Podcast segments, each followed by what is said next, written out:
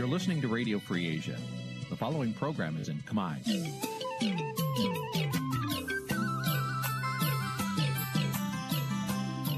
នេះជាកម្មវិធីផ្សាយ Vuthu Azizi Serai នេះជាកម្មវិធីផ្សាយរបស់ Vuthu Azizi Serai ជាភាសាខ្មែរ Vuthu Azizi Serai សូមស្វាគមន៍លោកអ្នកនាងទាំងអស់ពីរដ្ឋធានី Washington នៃសហរដ្ឋអាមេរិក ចាប់ផ្សាយផ្ទាល់ពីរដ្ឋធានី Washington នាងខ្ញុំសកជីវីសូមជម្រាបសួរលោកអ្នកនាងកញ្ញាដែលកំពុងតាមដានការផ្សាយរបស់ Vuthu Azizi Serai ទាំងអស់ជាទីមេត្រីចាយើងខ្ញុំសូមជូនកម្មវិធីផ្សាយសម្រាប់យប់ថ្ងៃប្រហ័ស7រោចខែផលគុណឆ្នាំឆ្លូវត្រីស័កពុរសករាជ2565ចាប់ត្រូវនៅថ្ងៃទី24ខែមិនិនាគ្រិស្តសករាជ2022ចាជាដំបូងនេះសូមអញ្ជើញលោកអ្នកនាងស្ដាប់ព័ត៌មានប្រចាំថ្ងៃដែលមានមេតិការដូចតទៅ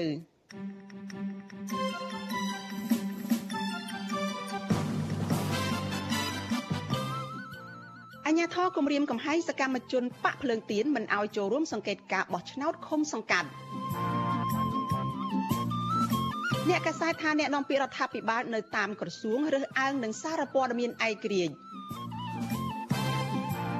អញ្ញាធរបន្តបង្ខំឲ្យក្រុមកោតក្រ Nagavel ឡើងរថយន្តរួចដឹកទៅទម្លាក់ចោលនៅតំបន់ដាច់ស្រយាល សកម្មជនប្រពៃទិវាពិភពលោកដើម្បីសិទ្ធិចូលរួមការពារព្រៃឈើនិងជីវិតនៅលើភពផែនដីរួមនឹងព័ត៌មានសំខាន់សំខាន់មួយចំនួនទៀត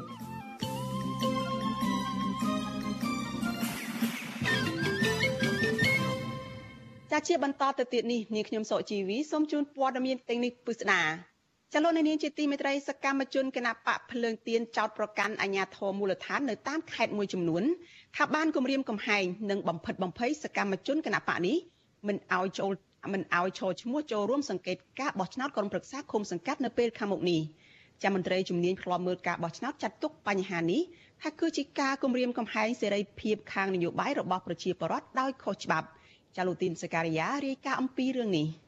មន្ត្រីគណៈបកភ្លើងទៀនខេត្តកំពង់ចាមនិងខេត្តបៃលិនព្រួយបារម្ភខ្លាចគ្មានសកម្មជនអង្កេតការបោះឆ្នោតនៅពេលខាងមុខដោយសារអាជ្ញាធរខេត្តទាំងនេះ បានគម្រិតកំហែងសកម្មជននៅតាមមូលដ្ឋានធ្វើឲ្យពួកគេមានការភ័យខ្លាចប្រធានក្រុមការងារគណៈបកភ្លើងទៀនស្រុកចំការលើខេត្តកំពង់ចាមលោកសោយស៊ីថាតប្រាប់វិទ្យុអសិរ័យនៅថ្ងៃទី24មិនិនាថា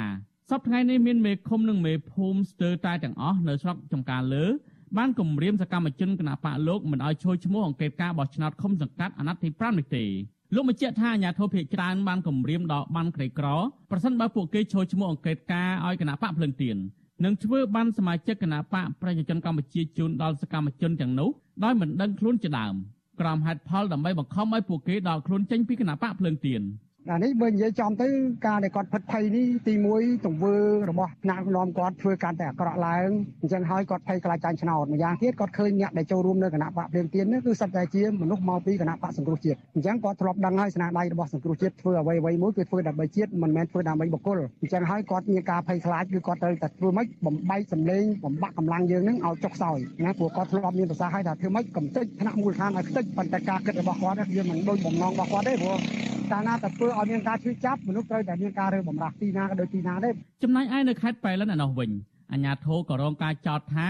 បានដើរគម្រាមប្រជាពលរដ្ឋឲ្យដកខ្លួនចេញពីគណៈបកភ្លើងទៀនវិញដែរប្រធានក្រុមការងារគណៈបកភ្លើងទៀនខេត្តប៉ៃលិនលោកខឹមមនីកុសល មានប្រសាសន៍ថារហូតមកដល់ពេលនេះយ៉ាងហោចណាស់មានសកម្មជនគណៈបកលោកចំនួន7នាក់ហើយដែលត្រូវអាជ្ញាធរភូមិបង្ខំឲ្យដកបេក្ខភាពចូលឈ្មោះអង្កេតការបោះឆ្នោតឃុំសង្កាត់ ក្រមលេសថាពួកគេជាសមាជិកគណៈបកកណ្ដាលអំណាច ប៉ុន្តែលោកបញ្ជាក់ថាសកម្មជនទាំងនោះពុំមែនជាសមាជិកគណៈបកកណ្ដាលអំណាចដោយការលើកឡើងរបស់អាជ្ញាធរនោះទេហើយលោកថាបរិវត្តទាំងនោះតែងតែគាំទ្រគណៈបកប្រឆាំងលោកថាជាឧទាហរណ៍នៅថ្ងៃទី23មីនាមេភូមិវាលចែងឃុំអូអណ្ដូងស្រុកសាឡាក្រៅបានបង្ខំឲ្យអ្នកគាំទ្រគណៈបកភ្លើងទៀនម្នាក់គឺលោកឈិតត្រេនឲ្យដកឈ្មោះអង្កេតការបោះឆ្នោតពីគណៈកម្មការរៀបចំការបោះឆ្នោតឃុំលោកបន្តថាក្រោយពីការគម្រាមកំហែងនេះលោកឈិតត្រេនក៏បានដកឈ្មោះពីអ្នកអង្កេតការភ្លាមៗដែរ នៅក្នុងសង្កាត់បៃលិនក៏យើងទទួលបានការគម្រាមកំហែងចំនួន5 6ករណីដូចគ្នាហើយវានឹងរាលដាលទៅសង្កាត់ផ្សេងផ្សេងទៀតគម្រាមកំហែងទី1គេបង្កការលំបាកធ្វើឲ្យយើងខ្វះបេក្ខភាពសម្រាប់ជាភ្នាក់ងារសង្កេតការទៅថ្ងៃមុខនៅតាមការិយាល័យហ្នឹងពីព្រោះភ្នាក់ងារដែលយើងរកបានគឺរកបានតាមចំនួនកំណត់ ប៉ុន្តែពេលដែលយើងយកឯកសារយកទៅដាក់បញ្ជាក់នៅភូមិស្រាប់តែព័ត៌មានហ្នឹងវាលេចលឺទៅដល់ខាងក្រៅហើយប្រធានភូមិបានដើរទៅសម្លុតគម្រាមអ្នកដែលយើងបំរុងនឹងដាក់ពាក្យហ្នឹងឲ្យមកសុំដកពាក្យពីយើងជាបណ្ដាបណ្ដាទៅវិញលោកខឹមមនីក៏សល់បន្តថាលោកបានដាក់ពាក្យប្តឹងទៅគណៈកម្មការរៀបចំការបោះឆ្នោតឃុំអូអណ្ដូងហើយនៅរសៀលថ្ងៃទី24មីនាដើម្បីចាត់វិធានការលើអាជ្ញាធរទាំងនោះឆ្លើយតបនឹងបញ្ហានេះមេភូមិវាលចាញលោកចេងតូប្រាប់វិទ្យុអសិរ័យថា នៅក្នុងមូលដ្ឋានរបស់លោកមានប្រជាពលរដ្ឋ2នាក់ដែលជាសមាជិកគណៈបកប្រជាជនកម្ពុជាបានចូលឈ្មោះជាបេក្ខជនអង្គការបោះឆ្នោតឲ្យគណៈបកភ្លើងទៀនប៉ុន្តែម្នាក់បានធ្វើលិខិតលាឈប់ធ្វើជាបេក្ខជនអង្គការនេះវិញហើយដាក់ពាក្យប្រឹងដាក់ទៅប៉ុន្តែខ្ញុំនិយាយទៅតាមយុទ្ធធនទេហើយពួកខ្ញុំយកបុគ្គលទៅភ្លឺថ្ងៃស្អែកដែរខ្ញុំអត់បានបង្ខិតខំអ្នកណាទេពីព្រោះខ្ញុំគូ ធ្វើសម្រាប់តែប្រជាពលរដ្ឋទេខ្ញុំអត់មិនធ្វើទៅសម្រាប់តែបុគ្គលណាម្នាក់ទេគឺខ្ញុំទីសំជាប្រកាសពេញចិត្តខ្ញុំក៏ពេញទៅបើមិនពេញចិត្តទៅក៏ឲ្យទៅការពិពិលថ្មីថ្មីនេះលោកនាយករដ្ឋមន្ត្រីហ៊ុនសែនបានបញ្ជាដល់អាជ្ញាធរគ្រប់លំដាប់ថ្នាក់ឲ្យបង្កលក្ខណៈងាយស្រួលដល់គណៈបកនយោបាយដែលបានចុះបញ្ជីនៅក្រសួងមហាផ្ទៃទាំងអស់អាចជួបជុំធ្វើសកម្មភាពនយោបាយដោយស្មើភាពគ្នា លោកបញ្ជាក់ថាអ្វីត្បិតតែយុទ្ធនាការឃោសនាបោះឆ្នោតនៅរយៈពេលយូរទៀតក៏ដោយក៏គណៈបកនយោបាយត្រូវការការជួបជុំគ្នាការរៀបចំបេក្ខភាពឬលើកស្លាកដូច្នេះអាជ្ញាធរមិនត្រូវបង្កការលំបាកគ្រប់រូបភាពនោះឡើយទោះជាយ៉ាងណានាយកប្រតិបត្តិអង្គការ Netflix លោកសំគុណធីមីមានប្រសាសន៍ថាសកម្មភាពរបស់អាជ្ញាធរធ្វើបែបនេះជាការគំរាមកំហែងប្រជាពលរដ្ឋឲ្យខុសច្បាប់និងមិនបានអនុវត្តតាមបទបញ្ជារបស់ក្រសួងមហាផ្ទៃនៅលោកហ៊ុនសែននោះទេលោកបញ្ជាក់ថាប្រជាពលរដ្ឋគ្រប់រូប មានសិទ្ធិចូលរួមក្នុងជីវភាពនយោបាយជាមួយគណៈបកណាដែលខ្លួនពេញចិត្តដោយស្របតាមរដ្ឋធម្មនុញ្ញសម្ដេចនាយករដ្ឋមន្ត្រីគាត់លើកមុនក៏បានចេញណែនាំឲ្យហើយសម្ដេចសខេងនេះចឹងដែរចឹងបានថាអាជ្ញាធរនេះយើងចង់ឲ្យក្រសួងមហាផ្ទៃមានវិធានការទៅលើអាជ្ញាធរណាដែលគាត់ប្រព្រឹត្តខុសច្បាប់ ដើរទៅគម្រាមកំហែងទៅដកគេតាំងពីអាដេញបានក្រីក្រតាំងពីស្រីសពអាយ៉ាហ្នឹងមិនត្រូវទេអាហ្នឹងអាហ្នឹងអាហ្នឹងរដ្ឋាភិបាលទេជាអ្នកគ្រប់គ្រងជាអ្នកចែកហើយយើងដើរតួអាជ្ញាធរមូលដ្ឋានដើរតួតំណាងរបស់រដ្ឋាភិបាលហើយបើយើងទៅធ្វើបាបគ្នាចឹងមិនកើតបាទអានេះសិទ្ធិនយោបាយប្រកបណារបាយការណ៍របស់កោជបឲ្យដឹងថាការបោះឆ្នោតឃុំសង្កាត់អាណត្តិទី5នេះនឹងប្រព្រឹត្តទៅនៅថ្ងៃទី5ខែមិថុនាខាងមុខដោយមានគណៈបកនយោបាយចំនួន17បានដាក់បេក្ខជនចូលឈ្មោះ ក្នុងចំណោមនោះមានគណៈបកតែពីរប៉ុណ្ណោះដែលបានដាក់បេក្ខជនប្រដំប្រសងគ្នានឹងគណៈបកប្រជាជនកម្ពុជារបស់លោកហ៊ុនសែនដែលបានដាក់បេក្ខជនគ្រប់100%និងគណៈបកភ្លើងទៀនបានដាក់បេក្ខជនជិតគ្រប់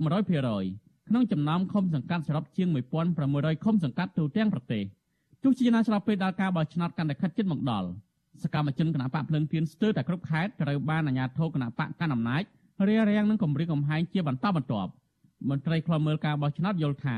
បើសិនជាបរិយាកាសនៅតែបន្តអាប់អួរបែបនេះដំណើរការបោះឆ្នោតឃុំសង្កាត់ឆ្នាំ2022នេះនឹងមិនប្រកបដោយសេរីត្រឹមត្រូវនិងយុត្តិធម៌នោះឡើយខ្ញុំធីនសាការីយ៉ាអសិលសេរីប្រធានីវ៉ាស៊ីនតោនចាលោកនាងកញ្ញាជាទីមេត្រីចាលោកអ្នកកំពុងតែតាមដានការផ្សាយរបស់វិទ្យុអាស៊ីសេរីចាប់ផ្សាយចេញពីរដ្ឋធានី Washington សហរដ្ឋអាមេរិកចាព័ត៌មានតកតងនឹងគណៈបកបេះដូងជាតិចាដែលក្រសួងមហាផ្ទៃមិនបានចុះបញ្ជីឲ្យឯនេះវិញ ចាស្ថាបនិកគណៈបកបេះដូងជាតិចាគឺលោកសៀមភ្លុកអំពាវនាវដល់ស្ថាបនិកនិងសមាជិកគណៈបកនេះថាឲ្យចូលរួមសកម្មភាពនយោបាយជាមួយនឹងគណៈបកភ្លើងទៀនក្រោយពេលដែលគណៈបកនេះត្រូវក្រសួងមហាផ្ទៃបដិសេធការសុំចុះបញ្ជីហើយក៏ត្រូវលុបចោលចេញពីបញ្ជីរបស់គណៈបកនយោបាយចាលោកសៀមភ្លុកបញ្ជាក់ថាដោយសារតែការសម្ដែងរបស់ក្រសួងមហាផ្ទៃនេះបានធ្វើឲ្យគណៈបករបស់លោកមិនអាចធ្វើសកម្មភាពនយោបាយ ចូលរួមប្រកួតប្រជែងតាមឆន្ទៈបានចាហេតុនេះលោកក៏សម្រេចគាំទ្រជំហរនិងសកម្មភាពនយោបាយរបស់គណៈបកភ្លើងទៀនវិញចាលោកសៀមភ្លុកបន្តថាជំហរនិងសកម្មភាពរបស់គណៈបកភ្លើងទៀននេះគឺស្របទៅនឹងជំហរនិងគោលនយោបាយនៃគណៈបកបេះដូងជាតិចាក្រសួងមហាផ្ទៃសម្រេចមិនបញ្ចុះបញ្ជីឲ្យគណៈបកបេះដូងជាតិក្រោមហេតុផលថាមានកំហុសមួយចំនួនពាក់ព័ន្ធទៅនឹងស្នាមមេដៃរបស់អ្នកគាំទ្រនៃគណៈបកនេះ ដែលមានដូចជាស្នាមមេដៃបុគ្គលមួយចំនួនគឺខុសពីស្នាមមេដៃនៅក្នុងអត្តសញ្ញាណប័ណ្ណ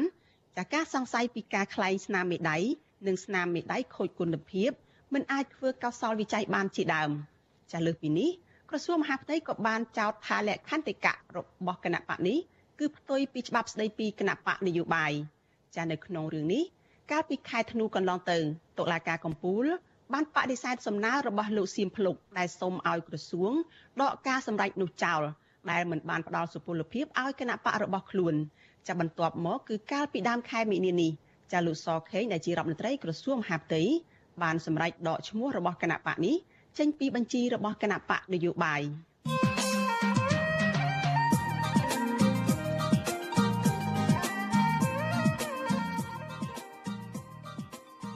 ចាលោកនាងកញ្ញាជាទីមេត្រីចាគណៈបកកម្ពុជានិយមត្រៀមនឹងចូលរួមការបោះឆ្នោតជ្រើសរើសក្រុមសមាជិកក្រុមប្រឹក្សាឃុំសង្កាត់នៅខែមិថុនាខាងមុខគណៈបកនេះផ្ដោតទៅលើការកែតម្រង់សេវាសាធារណៈនៅមូលដ្ឋានជាអាចនៅក្នុងចំណោមគោលនយោបាយដទៃទៀតចតាគណៈបកកម្ពុជានិយមនឹងកែតម្រង់ប្រព័ន្ធផ្ដល់សេវាសាធារណៈនៅថ្នាក់មូលដ្ឋានជូនប្រជាពលរដ្ឋនោះយ៉ាងដូចម្តេចខ្លះ ចាលោកនេះនៅបានស្ដាប់ការបកស្រាយទៅនឹងសំណួរនេះដោយផ្ទាល់នៅក្នុងនីតិវេទិកាអ្នកស្ដាប់វិទ្យុអាស៊ីសេរីនៅយប់ថ្ងៃសុក្រទី25ខែមីនាស្អែកនេះចាដែលវេទិកាអ្នកស្ដាប់វិទ្យុអាស៊ីសេរីនៅយប់នោះនឹងសម្របសម្រួលដោយលោកជុនច័ន្ទបុតចាវាគ្មិនដែលនឹងចូលរួមនៅក្នុងកិច្ចពិភាក្សានោះគឺជាប្រធានគណៈបកកម្ពុជានិយមគឺលោកយ៉ែមបញ្ញារិទ្ធ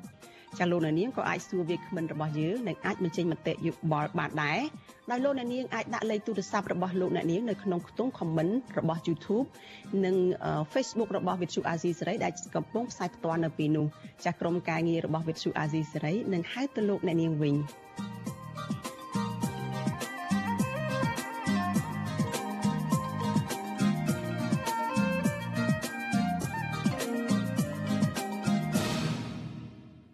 ចាលោកនាងជាទីមេត្រីចាងាកមកព័ត៌មានតកតងនឹងការបំពេញការងាររបស់អ្នកសារព័ត៌មានឯករាជ្យឯនេះវិញចាអ្នកធ្វើការងារផ្នែកប្រព័ន្ធផ្សព្វផ្សាយនិងអ្នកសារព័ត៌មានឯករាជ្យថាមន្ត្រីរដ្ឋាភិបាលនៅតែបន្តរើសអើងអ្នកកាសែតឯករាជ្យចាការលើកឡើងនេះធ្វើឡើងក្រោយពេលដែលរដ្ឋមន្ត្រីក្រសួងព័ត៌មានចាជំរុញទៅមន្ត្រីរាជការថាកុំឲ្យយកអ្នកកាសែតធ្វើជាសត្រូវប៉ុន្តែត្រូវចេះសហការផ្ដល់ព័ត៌មានឲ្យគ្នាទៅវិញទៅមកចាលោកមានរិទ្ធ រាយការណ៍អំពីរឿងនេះអ្នកធ្វើការងារផ្នែកប្រព័ន្ធផ្សព្វផ្សាយនិងអ្នកសារព័ត៌មានឯករាជ្យលើកឡើងថាអ្នកសារព័ត៌មាននៅតែរងសម្ពាធនយោបាយនិងស្ថិតក្រោមការដាក់គំនាបពីមន្ត្រីរដ្ឋាភិបាលដដែលពួកគេលើកឡើងទៀតថាអ្នកកាសែតដែលចោទសួរសំណួរបែបវិជ្ជមានក៏ទទួលបានការស្វាគមន៍ ក៏ប៉ុន្តែបើមានការចោទសួររឿងរ៉ាវបែបស៊ីជម្រៅឬសំណួរបែបប្រសើបនោះនោះពួកគេមិនទទួលបានកិច្ចសហការពីមន្ត្រីរដ្ឋាភិបាលនោះឡើយអ្នកសារព័ត៌មានឯករាជ្យម្នាក់លោកមិនពៅឲ្យដឹងថាមន្ត្រីរដ្ឋាភិបាលមួយចំនួនមិនទាន់បើកចិត្តទូលាយដើម្បីធ្វើការងារឬផ្ដល់ព័ត៌មានដល់អ្នកសារព័ត៌មាននៅឡើយទេលោកបន្តថាទន្ទឹមគ្នានោះអ្នកកសែតខ្លះក៏ត្រូវមន្ត្រីរដ្ឋាភិបាលប្តឹងព្រោះការបំពេញការងាររបស់ខ្លួន លោកឲ្យដឹងទៀតថាចំពោះករណីរបស់លោកផ្ទាល់ដែលនៅសរសេរព័ត៌មានបែបស៊ើបអង្កេតឬពីភាពខ្វះចន្លោះនៃការអនុវត្តការងាររបស់អាជ្ញាធរគឺតែងតែត្រូវបានមន្ត្រីទាំងនោះច្រានចោលការរកឃើញរបស់លោកបើកចិត្តក្នុងការលាតត្រដាងអ្វីជាការពិតហើយគាត់បើកចិត្តក្នុងការនិយាយជាមួយអ្នកសារព័ត៌មានណាកាលណាគាត់និយាយភាសាអ្នកសារព័ត៌មានមិនមែនបានគាត់ប្រាប់អ្នកសារព័ត៌មានទេគឺគាត់ប្រាប់ទៅមហាជនឲ្យដឹងការពិតទៅវិញណាព្រោះកន្លងមកយើងឃើញថានៅមានតិចតួចឡើយអ្នកដែលបើកចិត្តមន្ត្រីដែលគាត់បើកចិត្តនិយាយមួយអ្នកព័ត៌មានណាចំណែកឯនាយកប្រតិបត្តិសម្ព័ន្ធអ្នកសារព័ត៌មានកម្ពុជា ហៅកាត់ថាកម្ពុជាវិញលោកណូវីលោកសង្កេតឃើញថាមន្ត្រីរាជការប្រកាន់បពពួកទៅលើអ្នកសារព័ត៌មានលោកបន្តទៀតថាអ្នកសារព័ត៌មានដែលមាននិន្នាការគ្រប់គ្រងរដ្ឋាភិបាលងាយស្រួលក្នុងការបំពេញការងាររបស់ខ្លួនក៏ប៉ុន្តែសម្រាប់អ្នកសារព័ត៌មានឯករាជ្យវិញពួកគេកំពុងប្រឈមទៅនឹងការរើសអើងនិងមិនទទួលបានកិច្ចសហការពីមន្ត្រីរដ្ឋាភិបាលនោះទេ អ្នកធ្វើការងារផ្នែកប្រព័ន្ធផ្សព្វផ្សាយរូបនេះជំរុញទៅមន្ត្រីរដ្ឋាភិបាល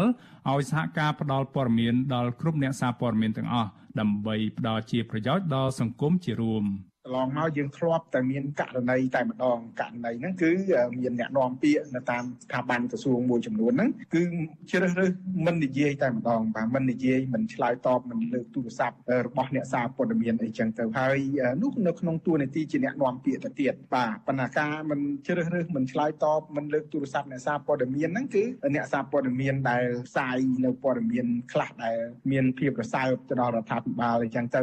ការលើកឡើងរបស់អ្នកធ្វើការងារផ្នែកប្រព័ន្ធផ្សព្វផ្សាយនិងអ្នកសារព័ត៌មានឯករាជ្យបែបនេះកើតមានឡើងក្រោយពេលរដ្ឋមន្ត្រីក្រសួងព័ត៌មានលោកខៀវកញ្ញរិទ្ធប្រាប់ទៅមន្ត្រីរាជការកុំឲ្យយកអ្នកកាសែតធ្វើជាសត្រូវនៅពេលដែលមានការសួរនាំពីអ្នកសារព័ត៌មានលោកស្នើទៅអ្នកនាំពាក្យរបស់ស្ថាប័នរដ្ឋនានាត្រូវឆ្លើយតបឲ្យបានទាន់ពេលវេលា នៅក្នុងន័យបន្តផ្សព្វផ្សាយព័ត៌មានឲ្យបានទូលំទូលាយដល់មូលដ្ឋាននិងសាធារណជន លោកបន្តថាដើម្បីឲ្យការផ្សព្វផ្សាយព័ត៌មានមានភាពសុក្រឹតលុះត្រាណាតែមានការផ្ដល់ព័ត៌មានបានច្បាស់លាស់ពីអាជ្ញាធរដែនដីឬអ្នកនាំពាក្យហើយអ្នកព័ត៌មានត្រូវមានប្រភពច្បាស់លាស់និងត្រូវចុះដល់ទីកន្លែងកើតហេតុលោកខៀវកញ្ញរិទ្ធថ្លែងយ៉ាងដូចនេះនៅក្នុងសិក្ខាសាលាមួយស្ដីអំពីការិយាល័យព័ត៌មានឆ្លៀសវៃ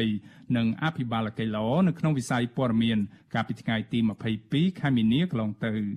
ទោះជាយ៉ាងណាអ្នកសារព័ត៌មានឯករាជ្យលោកមិនពៅចង់ឃើញរដ្ឋមន្ត្រីក្រសួងព័ត៌មានធ្វើការងាររបស់ខ្លួនឲ្យលើសពីការលើកឡើងបែបនេះដោយអាចជាការបណ្ដោះបណ្ដាលដល់មន្ត្រីពីថ្នាក់លើដល់ថ្នាក់មូលដ្ឋានឲ្យបើកចិត្តនិយាយជាមួយអ្នកសារព័ត៌មាន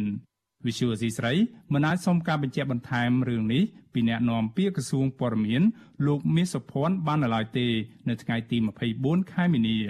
ក៏ប៉ុន្តែអ្នកនាំពាក្យរដ្ឋាភិបាលលោកផៃស៊ីផាននិយាយថារដ្ឋាភិបាលកំពុងព្យាយាមបណ្ដុះបណ្ដាលមន្ត្រីរាជការរបស់ខ្លួនពីថ្នាក់ជាតិដល់ថ្នាក់មូលដ្ឋាន ដើម្បីឲ្យមន្ត្រីទាំងនោះសហការផ្ដល់ព័ត៌មានឬឆ្លើយតបទៅអ្នកកសែតឲ្យបានទាន់ពេលវេលា និងមានប្រសិទ្ធភាពលោកអាហាងទៀតថារដ្ឋាភិបាល កំពុងធ្វើច្បាប់ស្ដីពីសិទ្ធិទទួលបានព័ត៌មាន ដើម្បីលើកកម្ពស់នៅក្នុងការផ្ដល់ព័ត៌មាន អ្វីជាយន្តការយើងយើងបានទុកឲ្យអស់ហើយយើងកំពុងតែវឹកវើហើយជាងបានធ្វើអ្វីទៅដែលយើងហៅថាសម្រាប់សារព័ត៌មានតាំងពីថ្នាក់ឃុំខេត្តនិងក្រសួងជាបន្តបន្ទាប់នឹងការឆ្លើយតបនៃការចង់ទទួលព័ត៌មានបានពីជាពលរដ្ឋដែលលោកចង់ដឹងយើងជិតធ្វើជាបន្តបន្តយន្តការជាគោលការណ៍ ទោះជាយ៉ាងណាកាលពីពេលថ្មីថ្មីនេះមជ្ឈមណ្ឌលកម្ពុជាដើម្បីប្រព័ន្ធផ្សព្វផ្សាយឯករាជ្យហៅកាត់ថា CCIM បានរកឃើញថាអ្នកសារព័ត៌មាន នៅតែប្រឈមនឹងការធ្វើទុកបុកម្នេញរងសម្ពាធនយោបាយនិងការដាក់គំនាបពីមន្ត្រីរដ្ឋាភិបាល និងប្រឈមនឹងបញ្ហាផ្លូវច្បាប់ជាដើម។ ប្រពន្ធដដែលក៏បានរកឃើញដែរថាអ្នកសារព័ត៌មានពិបាករកប្រភពពីមន្ត្រីរដ្ឋាភិបាល ដែលតួលេខនេះកើនឡើងរហូតដល់ទៅជាង90%ចំពោះចំណាត់ថ្នាក់នៃសេរីភាពសារព័ត៌មានវិញ កម្ពុជាបានជាប់ឈ្មោះជាប្រទេសមានស្ថានភាពអាក្រក់ផ្នែកសេរីភាពសារព័ត៌មានអស់រយៈពេល4ឆ្នាំមកហើយ ក្រោយពីរដ្ឋាភិបាលលោកនាយរដ្ឋមន្ត្រីហ៊ុនសែនបានបើកយុទ្ធនាការកម្ចាត់ស្ថាប័នព័ត៌មានឯករាជ្យធំធំ នៅក្នុងប្រទេសកាលពីចុងឆ្នាំ2017និងចាប់អ្នកសារព័ត៌មានជាច្រើនអ្នកដាក់ពន្ធនាគារដោយខ្វះមូលដ្ឋានច្បាប់ខ្ញុំបានមេរិត Visual C ស្រីរាយការណ៍ពីរដ្ឋធានី Washington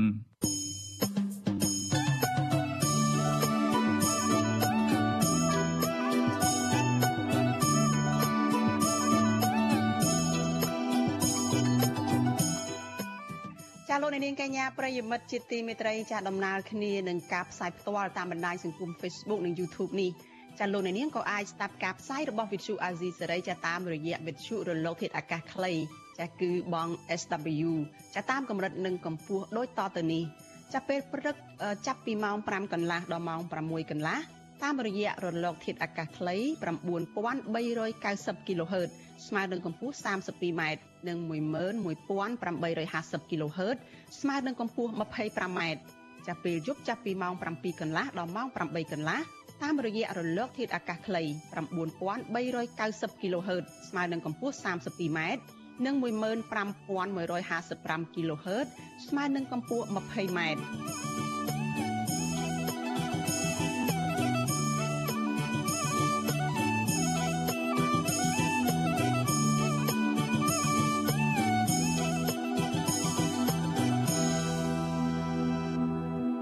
លោកនាងកញ្ញាជាទីមេត្រីលោកអ្នកកំពុងតែតាមដានការផ្សាយរបស់ Vithu Azizi សេរីចាប់ផ្សាយចេញពីរដ្ឋធានី Washington សហរដ្ឋអាមេរិកចាយើងទៅមើលព័ត៌មានតកតងនឹងការតវ៉ារបស់ក្រុមកោតក្រនៅឯក្រុមហ៊ុន Casino NagaWorld ឯនោះវិញចាក្រុមកម្លាំងអាជ្ញាធរបន្តប្រើអំពើហិង្សាទៅលើក្រុមកោតក្រ NagaWorld ជាង100នាក់ដែលពួកគេនៅតែបន្តចេញតវ៉ាដោយសន្តិវិធី ដើម្បីទាមទារឲ្យថៃកែក្រុមហ៊ុនគោរពសិទ្ធិសហជីព។ ចាអាញាធរបានជាយាមរៀបរៀងកោតតកនិងបិទផ្លូវគ្រប់ច្រកល្ហកមិនឲ្យពួកគាត់ធ្វើកោតកម្មនៅក្បែរអគារក្រុមហ៊ុនបនលបែង Nagavel នោះបានឡើយចាអ្នកស្រីម៉ៅសុធានីរាយការណ៍ព័ត៌មាននេះកម្លាំងអាជ្ញាធររាប់រយនាក់ព្យាយាមរារាំងក្រុមគឧតកោ Nagawal កាន់តែខ្លាំងដោយបំបែកគឧតកោមិនឲ្យពួកគាត់ប្រមូលផ្ដុំគ្នាឈរទៀមទាដំណោះស្រាយដោយសន្តិវិធីនៅក្បែរអគារក្រុមហ៊ុនទៀតឡើយ អាញាធរក៏បានដាក់កម្លាំងពង្រាយកាន់តែច្រើនព្រមទាំងបិទផ្លូវគ្រប់ច្រកល្ហកចូលទៅអគារក្រុមហ៊ុន និងបង្ខំឲ្យក្រុមគុតកោឡើងរថយន្តដែលចតចាំស្រាប់ហើយដឹកពួកគាត់ទៅទម្លាក់នៅតំបន់ដាច់ស្រយាលគឧតកោនឹងជាបុគ្គលិកក្រុមហ៊ុន Nagawer លោកស្រីឡាយសឿប្រាប់បច្ចុប្បន្នស៊ីស្រីនៅថ្ងៃទី24ខែមីនាថាអាញាធរបានដឹកគឧតកោយកទៅទម្លាក់នៅតំបន់ជ័យក្រុងក្នុងខណ្ឌប្រែតភ្នៅ សូម្បីបន្ទប់ទឹកក៏មិនមានប្រើប្រាស់នោះឡើយលោកស្រីបន្តថាពេលអាជ្ញាធរដឹកពួកគាត់ទៅដល់តំបន់ជ័យក្រុងអាជ្ញាធរក៏ឲ្យកតកោសម្រាប់លើឡានរហូតដល់ម៉ោង6ល្ងាចទើបដឹកពួកគាត់មកកន្លែងដើមវិញលោកស្រីរិគុណចំណាត់ការអាញាធរបែបនេះថាជាលេសក្នុងការបង្ក្រាបលើកោតកោនិងព្យាយាមការពារអំណាចឲ្យក្រុមហ៊ុនដើម្បីពន្យាពេលរកដំណោះស្រាយត្រឹមត្រូវតែប៉ុណ្ណោះ គេចេតនាក្រុមហ៊ុនអត់ចង់ដោះស្រាយអីទេគាត់យកពួកខ្ញុំមកឆ្លាតពីទីក្រុងកុំឲ្យគេដឹងឮអញ្ចឹងគាត់ចេញវេះនឹងដោះស្រាយដឹកសំណួរគាត់ត្រូវគាត់ត្រូវដោះស្រាយឲ្យបុគ្គលិកអញ្ចឹងក្រុមហ៊ុននឹងចេញវេះហ្មងមួយទៀតទៅខ្ញុំគិតថាខាងអាជ្ញាធរដែរគាត់ព្រោះគាត់មកគាត់អត់មានសម្រាប់សម្រួលទេគាត់ធ្វើអំពើហិង្សាគាត់ច្រឡំរឿងយកហ៊ានដល់ការហ៊ានស្មានបាយគេខ្ញុំទៀតហ្នឹង ក្រុមគឧតកោឲ្យដឹងទៀតថាអាញាធរក៏បានបើករថយន្តដល់ផ្ទះរបស់គឧតកោដែលជួលនៅម្ដុំផ្សារ Penser និងបានបង្ខំឲ្យគឧតកោឡើងរថយន្តរួចដឹកពួកគាត់ទៅទម្លាក់នៅតំបន់ក្បែរសួនសត្វក្បែរវិមានឈ្នះឈ្នះក្រុមគឧតកោចាត់ទុកទង្វើរបស់អាញាធរបែបនេះថាជាការគំរាមកំហែងបំផិតបំភ័យនិងបានរំលោភបំពានសិទ្ធិជាមូលដ្ឋានរបស់ពួកគាត់ធ្ងន់ធ្ងរ ក្នុងរយៈពេលប្រមាណថ្ងៃចុងក្រោយនេះអាជ្ញាធរក្រុងភ្នំពេញបានបង្កើនការប្រាហិង្សាកាន់តែខ្លាំងទៅលើក្រុមគុតកោដែលទាមទាររកដំណោះស្រាយស្របពេលដែលការចរចាដោះស្រាយវិវាទការងារនេះនៅតែមានភាពតានតឹងដោយថៅកែក្រុមហ៊ុន នៅតែបន្តបដិសេធទទួលយកសមាជិកជាង200នាក់ឲ្យចូលធ្វើការវិញ។ ការបដិសេធនេះដោយភាគីក្រុមហ៊ុនអះអាង ថាបុគ្គលិកដែលបម្រើការងារក្នុងបនលបែងមួយនេះបច្ចុប្បន្នកំពុងលើសតម្រូវការបុគ្គលិកជាង600នាក់ជុំវិញរឿងនេះអ្នកគ្រប់គ្រងកម្មវិធីសិទ្ធិការងារនៃមជ្ឈមណ្ឌលសម្ព័ន្ធភាពការងារនិងសិទ្ធិមនុស្សហៅកាត់ទៅសង្ត្រាលោកខុនថារ៉ូមានប្រសាសន៍ថាការលើកឡើងរបស់ភាគីក្រុមហ៊ុន ថាលើសតម្រូវការបុគ្គលិកជាង600នាក់ក្នុងកន្លែងការងារគឺជារឿងប្រឌិត ដោយសារតែលោកយល់ឃើញថានេះជាចេតនារបស់ក្រុមហ៊ុន ចង់រំលាយសមាជិកសហជីពជាង200នាក់មិនឲ្យចូលធ្វើការវិញតែប៉ុណ្ណោះលោកបន្តថាក្រុមហ៊ុនបនលបែងមួយនេះកំពុងផ្សព្វផ្សាយពាណិជ្ជកម្មជាច្រើននិងផ្ដល់សក្ខាកម្មជូនបុគ្គលិកថ្មី ដើម្បីវឹកហាត់ពីចរន្តការងារមុនចូលធ្វើការ។ អញ្ចឹងវាបង្ហាញយ៉ាងច្បាស់ថាក្រុមហ៊ុនគាត់មិនមានភាពស្មោះត្រង់មិនមានចេតនានៅក្នុងការស្វែងរកដំណោះស្រាយវិវាទការងាររួមមួយនឹងទេអ្វីដែលយើងទទួលបានព័ត៌មានពីកម្មករនិយោជិតគឺថាបច្ចុប្បន្នហ្នឹងគឺប្រតិបត្តិការខាងក្រុមហ៊ុនហ្នឹងគឺត្រូវការបុគ្គលិកមានការជ្រើសរើសនៅសិក្ខាកាមចាប់ផ្ដើមហាត់ការជ្រើសរើសជាលក្ខណៈក្រៅប្រព័ន្ធមិនមានការផ្សព្វផ្សាយជាសាធារណៈទេប៉ុន្តែយើងយើងដឹងព័ត៌មានថាខាងក្នុងហ្នឹងគឺត្រូវការបុគ្គលិកនៅក្នុងការបម្រើការងារ បច្ចុប្បន្នស៊ីស្រីមិនអាចតាក់ទងแนะនាំពាក្យថ្នងការដ្ឋាននគរបាលរាជធានីភ្នំពេញលោកសានសុកសីហានិងแนะនាំពាក្យក្រសួងការងារលោកហេងសួរដើម្បីបំភ្លឺបញ្ហានេះបានទេនៅថ្ងៃទី24ខែមីនាប៉ុន្តែការប្រយុទ្ធថ្ងៃទី23ខែមីនារដ្ឋបាលក្រុងភ្នំពេញបានចេញសេចក្តីប្រកាសព័ត៌មានដែលចាប់ប្រកាន់ក្រុមគឧតកោថាជាអ្នកបង្កហិង្សានិងជេរប្រមាថបង្លើក្រុមសមត្ថកិច្ច សាលាក្រុងភ្នំពេញក៏បានបន្តលាបពណ៌ក្រុមគុតកោថាជាអ្នកធ្វើបាតកម្មខុសច្បាប់ ដោយបង្កើតឈុតឆាកសម្ដែងធ្វើជាជនរងគ្រោះតាមសណារីយ៉ូរបស់អ្នកដឹកនាំរឿងដើម្បីកេងចំណេញផលប្រយោជន៍តាក់ទងបញ្ហានេះនាយកទទួលបន្ទុកកិច្ចការទូតនៃអង្គការសិទ្ធិមនុស្សលីកាដូលោកអំសំអាតមានប្រសាសន៍ថាការបន្តចាប់ប្រកាន់មកលើក្រុមកោតកោទាំងគ្មានមូលដ្ឋានបែបនេះ មិនមែនជាជំរឿនល្អសម្រាប់ការដោះស្រាយបញ្ចប់វិវាទនេះឡើយមន្ត្រីខ្លំមើលសិទ្ធិមនុស្សរូបនេះមើលឃើញថាតំណាងសហជីពបានបន្ទន់អេរយាប័តច្រើនជាមួយនឹងភាគីក្រុមហ៊ុនដូចនេះលោកថាក្រសួងការងារគួរណាតែមានឆន្ទៈដោយឈលលើភាពអព្យាក្រឹតជំរុញឲ្យភាគីក្រុមហ៊ុនព្រមចរចាគ្រប់តាមលក្ខខណ្ឌក្នុងការដោះស្រាយបញ្ហាទាំង9ចំណុចទៅតាមដំណាក់កាលនីមួយៗ ចឹងបើសិនជាលទ្ធផលទាំងអស់នឹងអត់មានផងហើយគាត់ធ្វើកតកម្មដើម្បីទាមទារតើជារឿងខុសច្បាប់ឬមួយយ៉ាងម៉េចបើយើងសំអាងទៅលើក្តីសម្រេចរបស់តុលាការថាកតកម្មនឹងខុសច្បាប់អញ្ចឹងយើងត្រូវពិនិត្យទៅលើច្បាប់ការងារថាតើកន្លងមកហ្នឹងក៏បុគ្គលិកណាការវល់អតីតបុគ្គលិកណាការវល់ហ្នឹងគាត់បានអនុវត្តទៅតាមច្បាប់ការងារអត់បើគេអនុវត្តតាមតែក្តីសម្រេចតុលាការហើយនឹងច្បាប់ការងារកតកគាត់មានសិទ្ធិធ្វើកតកម្មហ្នឹងជាសិទ្ធិរបស់កតក ក្រុមកោតក្រថាពួកគាត់នឹងមិនបោះបង់ការធ្វើកតកម្មនេះឡើយបើសិនបើមិនមានដំណោះស្រាយសមរម្យណាមួយពីថៅកែក្រុមហ៊ុនក្រុមកោតក្រក៏អំពាវនាវដល់កម្លាំងអាជ្ញាធរឲ្យបញ្ឈប់ការលាបពណ៌និងចោតប្រកាន់ព្រមទាំងប្រាអំពើហិង្សាលើពួកគាត់ដោយគ្រាន់តែប្រាសិទ្ធមូលដ្ឋានទាមទារឲ្យថៅកែបនលបៃ Nagawal គ្រប់ច្បាប់ ស្ដីពីការងារតែប៉ុណ្ណោះ ចាននាងខ្ញុំម៉ៃសុធានីវិទ្យុអសីស្រីប្រធានាធិបតី Washington ចាលោកនាងកញ្ញាជាទីមេត្រីចាតកតងនឹងការឆ្លងរាលដាលជំងឺ Covid-19 ចាអ្នកជំងឺ2អ្នកទៀតបានស្លាប់ដែលធ្វើឲ្យករណីអ្នកស្លាប់ដោយសារតែជំងឺ Covid-19 នេះបានកើនឡើងដល់3054អ្នកហើយ ចាចំពោះករណីឆ្លងថ្មីវិញក្រសួងសុខាភិបាលប្រកាសថាមានចំនួន63នាក់ដែលសុទ្ធសឹងតែជាមេរោគប្រភេទអូមីក្រុង ហើយភាគច្រើនគឺជាករណីដែលឆ្លងនៅក្នុងសហគមន៍ចាគិតត្រឹមព្រឹកថ្ងៃទី24ខែមិនិនានេះកម្ពុជាមានអ្នកកើតជំងឺ Covid-19 ជាង130,000នាក់ក្នុងនោះអ្នកជាសះស្បើយមានប្រមាណ130,000នាក់ ចាក្រសួងសុខាភិបាលប្រកាសថាគិតត្រឹមថ្ងៃទី23ខែមិនិនាម្សិលមិញនេះរដ្ឋាភិបាលចាក់វ៉ាក់សាំងគ្រប់ដូសជូនប្រជាពលរដ្ឋបានជាង13លាន9សែននាក់នៅក្នុងចំណោមពលរដ្ឋដែលត្រូវចាក់ប្រមាណ14លាននាក់ដោយរាប់ចាប់តាំងពីកុមារដែលមានអាយុចាប់ពី5ឆ្នាំរហូតដល់មនុស្សពេញវ័យចារីឯដូសជំរុញគឺដូសទី3និងដូសទី4វិញ រដ្ឋាភិបាលចាក់ជូនពលរដ្ឋបានជិត9លានដូសស្របពេលដែលកុមារដែលមានអាយុចាប់ពី3ឆ្នាំរហូតដល់ក្រោម5ឆ្នាំនោះរដ្ឋាភិបាលចាក់ដូសទី1និងដូសទី2បានប្រមាណ3សែនដូសចលនានេះជាទីមេត្រីចាជុំវិញស្ថានភាពជំងឺ Covid-19 នេះដែរអ្នកជំនាញផ្នែកឱសថសាស្ត្រដែលជាខ្មែរអូស្ត្រាលីលើកឡើងថាពលរដ្ឋខ្មែរភាគច្រើនជាពិសេសមនុស្សចាស់ និងអ្នកដែលមានជំងឺរ៉ាំរ៉ៃប្រចាំកាយគឺងាយនឹងរងគ្រោះគឺងាយនឹងរងគ្រោះថ្នាក់ដល់អាយុជីវិតដោយសារតែរដ្ឋាភិបាលចាលើកលែងបំរាមមិនឲ្យអ្នកធ្វើដំណើរពីក្រៅប្រទេសនោះធ្វើតេស្តរោគជំងឺ Covid-19 ចានៅក្នុងពេលជាមួយគ្នានេះកម្ពុជាក៏កំពុងប្រឈមនឹងបញ្ហាសុខភាពធ្ងន់ធ្ងរមួយទៀតគឺការដែលប្រជាពលរដ្ឋខ្មែរប្រើប្រាស់ប្រភេទថ្នាំផ្សះនិងថ្នាំបំបត្តិការឈឺចាប់តាមអំពើចិត្ត ដោយមិនដឹងពីផលប៉ះពាល់ទៅដល់សុខភាពចាសសូមអញ្ជើញលោកអ្នកនាងរងចាំទស្សនាកិច្ចពិភាក្សាលំអិតអំពីបញ្ហានេះចារវាងអ្នករាយការណ៍ព័ត៌មានរបស់វិទ្យុអាស៊ីសេរីចាគឺលោកមួងណារ៉េតជាមួយនឹងអសតការីខ្មែរអូស្ត្រាលីចាគឺលោកលឹមសួរ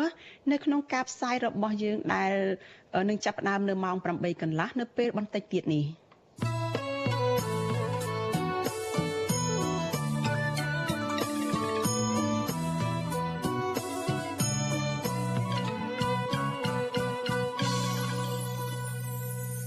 ចាលោកអ្នកនាងកញ្ញាប្រិយមិត្តជាទីមេត្រី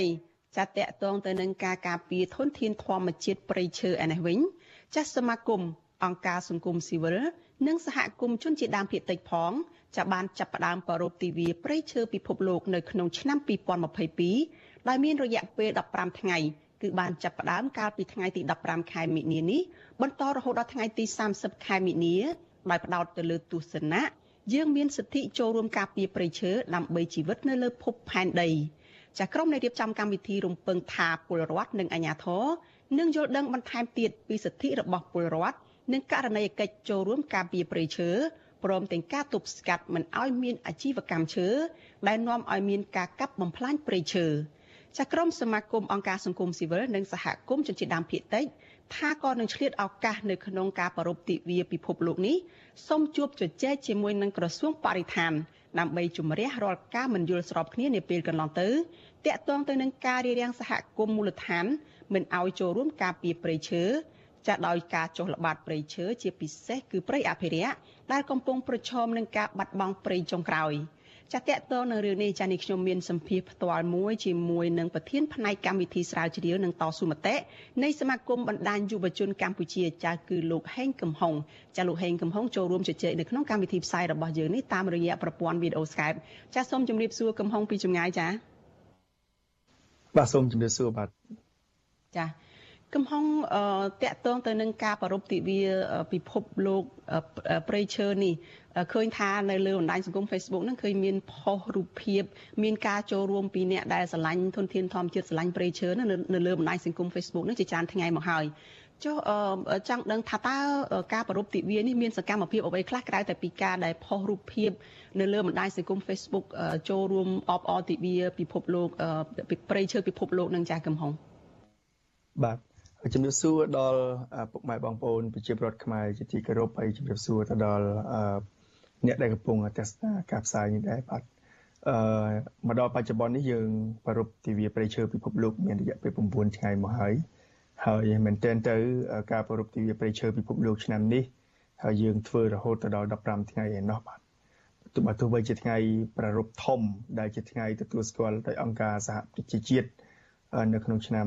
2012នោះគឺយើងសម្រាប់ដែលសម្រាប់យកថ្ងៃទី21ខែមីនាឆ្នាំ2000ចាប់ពីឆ្នាំ2022មកជារៀងរាល់ឆ្នាំហ្នឹងដើម្បីប្រពៃទិវាព្រៃឈើពិភពលោកហើយមកដល់បច្ចុប្បន្ននេះគឺឆ្នាំ2012មកចាបាទបាទគឺមានរយៈពេល10ឆ្នាំហើយក្នុងឆ្នាំនេះគឺក្រុមអង្គការសង្គមស៊ីវិលយើងបានប្រពៃនៅក្នុងដោយសម្រាប់យកមូលបត់រួមគ្នាយើងមានសិទ្ធិចូលរួមការពារព្រៃឈើដើម្បីជីវិតនៅលើភពផែនដី ហើយយើងមានរយៈពេលរហូតដល់15ថ្ងៃស្ថិតនៅក្នុង3ទម្រង់ធំធំទម្រង់នៃការប្រពៃសកម្មភាពមួយឆ្នាំនេះគឺទី1គឺយើងប្រពៃនៅក្នុងទម្រង់ជាការចូលរួមតាមយុទ្ធនាការអនឡាញដែលមកដល់បច្ចុប្បន្ននេះយើងឃើញថាមានការចូលរួមយ៉ាងសស្រាក់ស្រាំពីប្រជាពលរដ្ឋប្រមាណជា200នាក់ដែលចូលរួមផ្សព្វផ្សាយនិងចែករំលែកហើយផងដែរសកម្មភាពទី2គឺកាលពីថ្ងៃទី21ខែមិនិនាកន្លងមកនេះ គឺយើងប្រពៃវាតម្រង់មានការជួបជុំដែលមានការជួបជុំនៅក្នុង7កន្លែងនៅក្នុងប្រជាជាតិកម្ពុជា ក្នុងនោះការជួបជុំនោះគឺធ្វើឡើងដាច់ដោយឡែកពីគ្នាប៉ុន្តែនៅក្រៅមូលបត់រួមគ្នាគឺ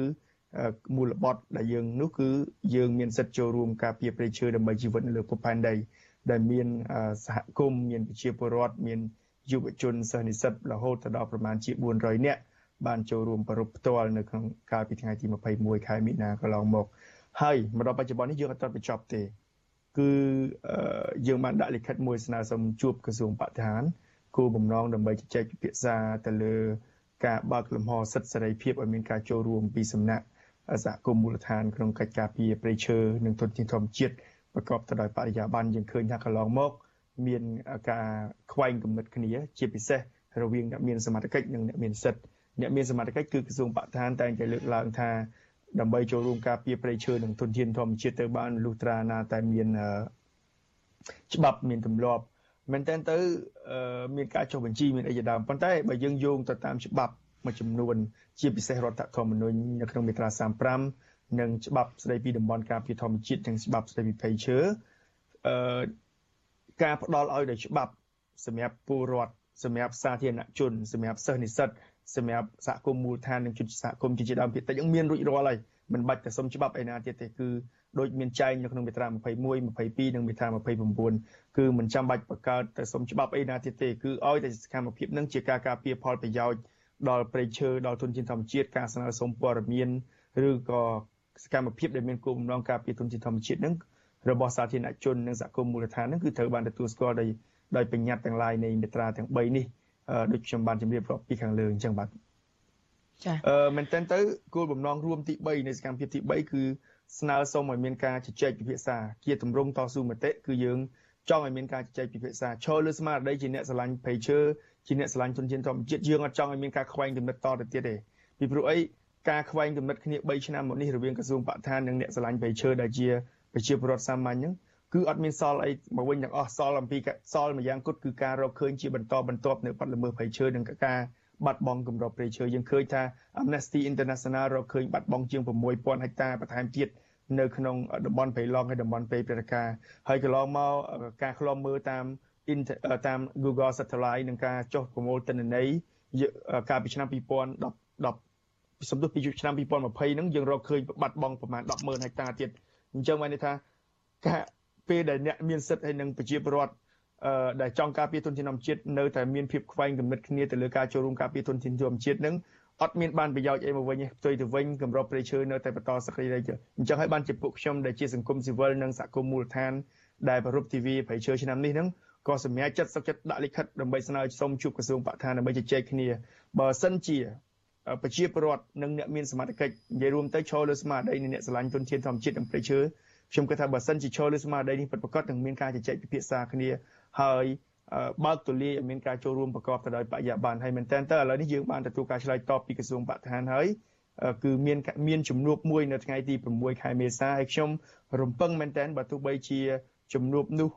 ជួបយ៉ាងណាក៏ដោយប៉ុន្តែរំពឹងថានឹងមានលទ្ធផលជាវិជ្ជមានហើយខ្ញុំរំពឹងថាក្រសួងបរិស្ថានប្រកាសជាបើកទូលាយឲ្យសហគមន៍មូលដ្ឋានហើយនិងសង្គមស៊ីវិលបានលើកឡើងអំពីបញ្ហាដែលខ្លួនឯងបានជួបប្រទះកន្លងមកបាទ ចាកំហុងតើអ្វីដែលជាមូលហេតុចម្បងដែលធ្វើឲ្យមានការខ្វែងគំនិតគ្នារវាងសហគមន៍ដែលការពារធនធានធម្មជាតិថែរក្សាព្រៃឈើអីនេះពីព្រោះក្រសួងបរិស្ថានក៏មានគោលដៅការពារថែរក្សាធនធានធម្មជាតិនឹងដែរហេតុអ្វីបានជាមានគំនិតខ្វែងគ្នាមិនអនុញ្ញាតឲ្យប្រជាប្រដ្ឋចូលល្បាតព្រៃអីជាដើមពីព្រោះតាមរបាយការណ៍របស់អង្គការពិភពលោកអន្តរជាតិផ្សេងៗហ្នឹងបានរកឃើញថា ការដែលធ្វើឲ្យព្រៃឈើកម្ពុជាហិនហោចបន្តបន្តទៅទៀតមិនអាចទប់ស្កាត់បាននេះគឺដោយសារតែកើតមានអំពើពុករលួយជាប្រព័ន្ធរវាងអាជ្ញាធរឬក៏អ្នកដែលមានភារកិច្ចនៅក្នុងការការពារធនធានធម្មជាតិនឹងហើយនឹងមួយមួយចំណុចសំខាន់ទៀតហ្នឹងគឺការដែលហាមឃាត់ពលរដ្ឋមិនឲ្យទៅល្បាតព្រៃចុះទៅការពារព្រៃអីហ្នឹងតើអ្វីដែលជាធ្វើឲ្យមានការខ្វែងគំនិតគ្នានឹងនៅពេលដែលដឹងថាប្រជាពលរដ្ឋនឹងមានទទួលនីតិសំខាន់ក្នុងការចូលរួមការពារព្រៃឈើដែរហ្នឹងចា៎ បើនិយាយអំពីហេតុផលស៊ីជម្រៅខ្ញុំពិបាកក្នុងការធ្វើវិនិច្ឆ័យដែរនិយាយស្មោះត្រង់ទៅពីព្រោះអីបើយើងទៅមើលអត្ថបទច្បាប់សម្រាប់ខ្ញុំខ្ញុំជាអ្នកសិក្សា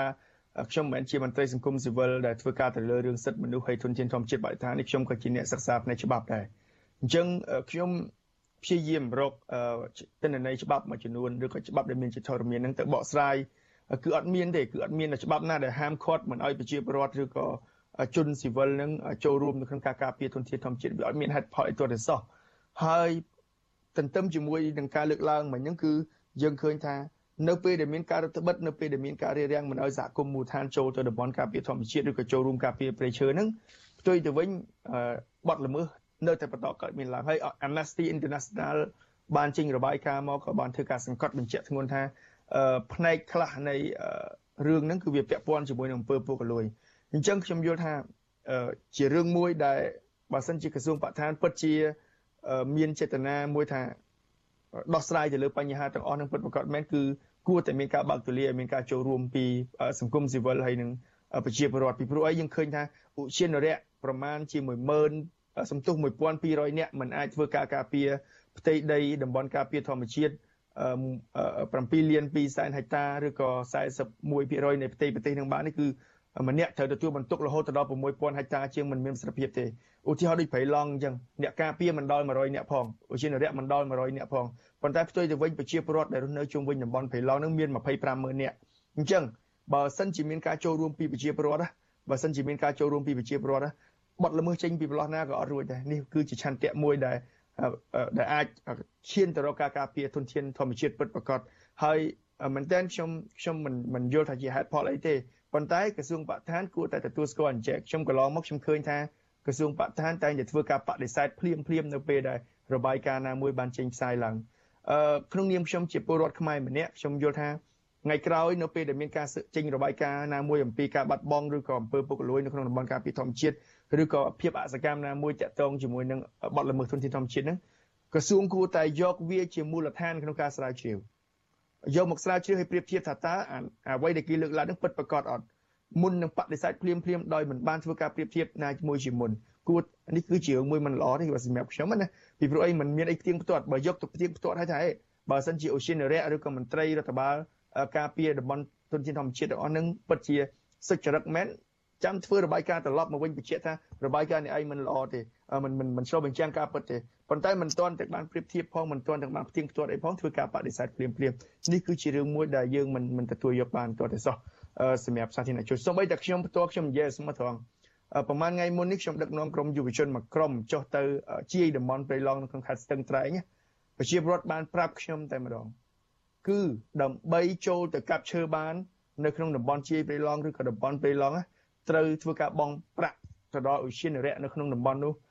ប្រមាណជា20ម៉ឺនរៀលទើបអាចចូលទៅកាប់ឈើបាននេះជាដើមអញ្ចឹងអានឹងវាជាផ្នែកមួយទៅអ្នកតំណងជាមួយនឹងអង្គើពុកលួយហើយខ្ញុំផ្ទាល់ជិះកាត់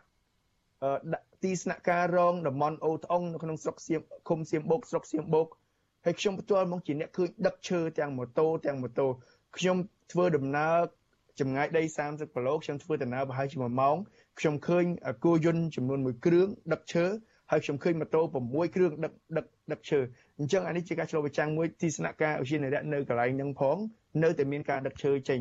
ចុះអញ្ចឹងអាហ្នឹងអាហ្នឹងជាជាអយាប័តមួយដែលក្រសួងបរិស្ថានថាបើសិនជាថ្នាក់ក្រោមជាតិមិនបានរាយការណ៍អំពីករណីទាំងអស់នេះប៉ុន្តែនៅពេលដែលមានការផ្សាយរបាយការណ៍ដោយភាគីទី3ភាគីអព្យាក្រឹតឬក៏អង្គការអន្តរជាតិគួរតែយករបាយការណ៍ឬក៏ទិន្នន័យទាំងអស់នោះទៅប្រៀបធៀបជាមុនមុននឹងធ្វើការឆ្លើយតបដើម្បីធានាថា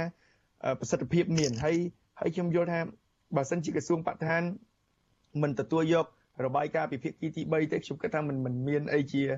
អឺមិនមិនមិនអាចផ្ទៀងផ្ទាត់ទៅន័យជាក់លាក់បានទេពីព្រោះអីយើងឃើញខ្ញុំផ្ទាល់ខ្ញុំចុះទៅព្រៃមួយរយៈចុងក្រោយនេះខ្ញុំទៅធ្វើការក្នុងតំបន់ព្រៃឈើយើងរកឃើញបាត់ល្មើសដូចគ្នាយើងឃើញមានការកាប់បំផ្លាញហើយប្រជាពលរដ្ឋក៏មានការត្អូញត្អែអំពីអំពើពុករលួយឬក៏ជាពិសេសសហគមន៍មូលដ្ឋានតែម្ដងសហគមន៍តំបន់សូម្បីតែសហគមន៍ព្រៃឈើនិងសហគមន៍តំបន់ការពារធម្មជាតិ ដែលជាសហគមន៍ធ្វើការយ៉ាងជិតស្និទ្ធជាមួយរដ្ឋបាលព្រៃឈើនឹងមន្ត្រីឧស្សាហនរៈហ្នឹងក៏បានលើកឡើងពីបញ្ហានេះផងដែរបាទ ចាចាគឹមហុងរយៈពេលជាង2ឆ្នាំឬក៏ជិត3ឆ្នាំដោយគឹមហុងលើកឡើងនឹងគឺ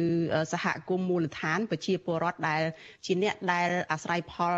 ពីធនធានធម្មជាតិព្រៃឈើនឹងគឺมันបានបោះបង់ចោលការចុះល្បាតព្រៃរបស់ខ្លួនទេចាគឺនៅតែបន្តល្បាតព្រៃបើទោះបីជាខាងអាជ្ញាធរនឹងហាមឃាត់ខាងក្រសួងបរិស្ថាននឹងហាមឃាត់ក៏ដោយប៉ុន្តែនៅតែ មិនដាច់ចិត្តនៅតែបន្តចុះល្បាតព្រៃជារៀងរហូតមកប៉ុន្តែគ្រាន់ថាមិនបានពេញដៃពេញជើងគ្រាន់តែជាផ្នែកអញ្ចឹងទៅ តើកំហុងដែលនឹងណាត់ជួបជាមួយក្រសួងបរិស្ថាននៅថ្ងៃទី6ខែមេសាខាងមុខនេះនឹងយកអ្វីទៅជាអំណះអំណាងជាមួយនឹងក្រសួងនៅពេលដែលក្រសួងកន្លងនោះមកបានលើកឡើងថាក្រសួងមិនដែលហាមឃាត់ប្រជាពលរដ្ឋសហគមន៍នឹងមិនឲ្យចូលល្បាតព្រៃទេគឺឲ្យចូលល្បាតព្រៃជួយការងារទៅដល់ក្រសួងបរិស្ថានដែរប៉ុន្តែត្រូវសុំការអនុញ្ញាតហើយក៏ត្រូវបានការអនុញ្ញាតពីក្រសួងបរិស្ថានសិន ជាពិសេសគឺនៅក្នុងតំបន់ដែលជាតំបន់ស្នូលនៃការអភិរក្សព្រៃជាតំបន់អភិរក្សជាតំបន់ការពារធនធានធម្មជាតិអីចឹងហើយមួយទៀតហ្នឹងក្រសួងក៏បានលើកឡើងដែរថាមានការដែលបំផ្លាស់ព័ត៌មាន ចេញពីការដែលចូលទៅល្បាតព្រៃនឹងដើម្បីធ្វើឲ្យប៉ះពាល់ទៅដល់មុខមាត់របស់រដ្ឋាភិបាលកម្ពុជារបស់អាជ្ញាធរកម្ពុជា នៅក្នុងពេលដែលការការពារធនធាននឹង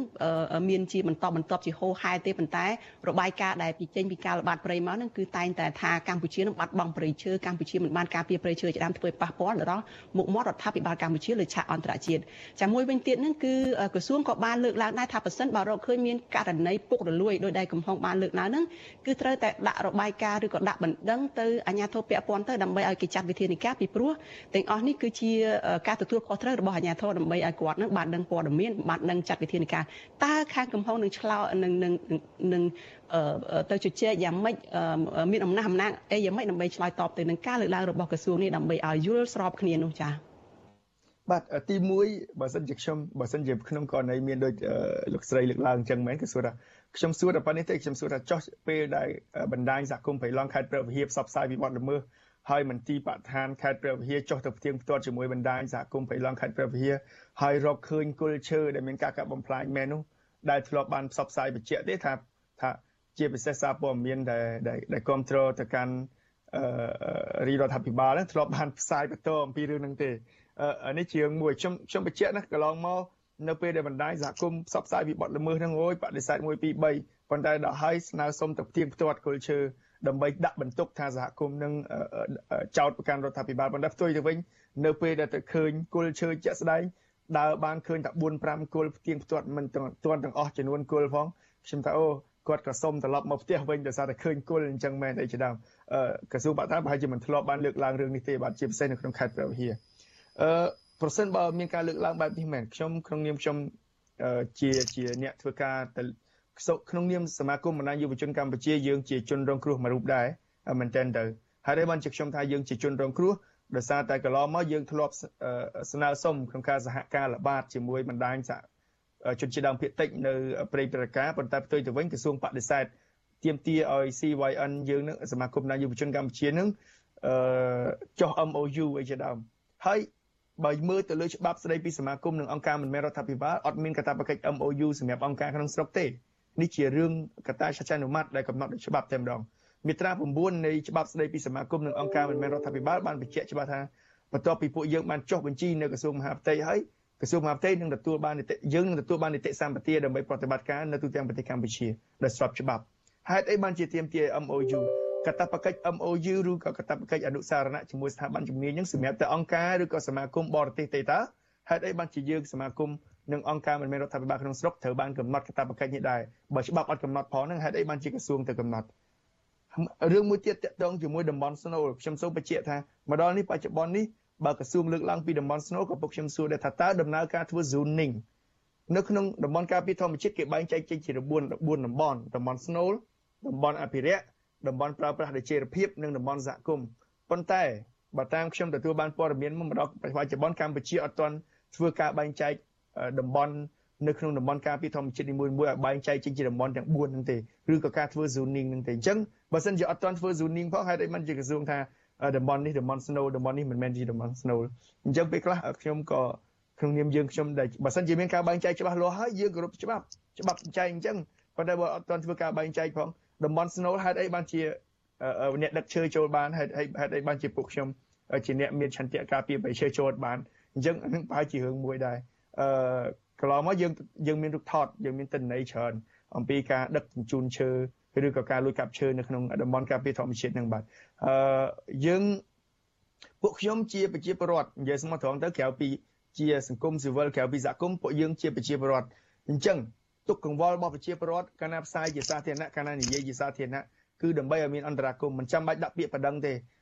បញ្ហាបទល្មើសអត់មាននិយាយថាបទល្មើសហើយបទល្មើសព្រហ្មទណ្ឌឬក៏បទការបទល្មើសព្រហ្មទណ្ឌហើយតើតែមានការប្តឹងជាចំហទេគឺនៅពេលដែលមានហើយមានការផ្សព្វផ្សាយជាសាធារណៈឬក៏បទល្មើសជាចំហព្រះរាជអាជ្ញាឬក៏នគរបាលយុតិធធម៌មកពីស្ថាប័នជំនាញហ្នឹងត្រូវចាត់វិធានការដោះស្រាយភ្លាមត្រូវចាត់វិធានការដោះស្រាយភ្លាមអត់ចាំបាច់យើងខ្ញុំជាប្រជាពលរដ្ឋទៅប្តឹង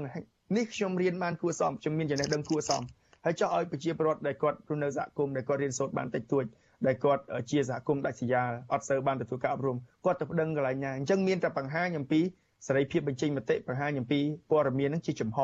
នៅក្នុងមាត្រា21គេនិយាយពីការផ្សព្វផ្សាយនិងការទទួលបានព័ត៌មានអញ្ចឹងយើងផ្សព្វផ្សាយព័ត៌មានប៉ុន្តែក្រសួងក្នុងនាមជាអ្នកមានសមត្ថកិច្ចត្រូវតែដោះស្រាយពីព្រោះអីទទួលបានព័ត៌មានពីពីយើងខ្ញុំទាំងអស់គ្នាដែលជាពលរដ្ឋហើយទេតើបាទចា កំហុងចំពោះការប្រពពិធីទិវាពិភពលោកព្រៃឈើនេះចាំមកដល់ថ្ងៃនេះនឹងតើ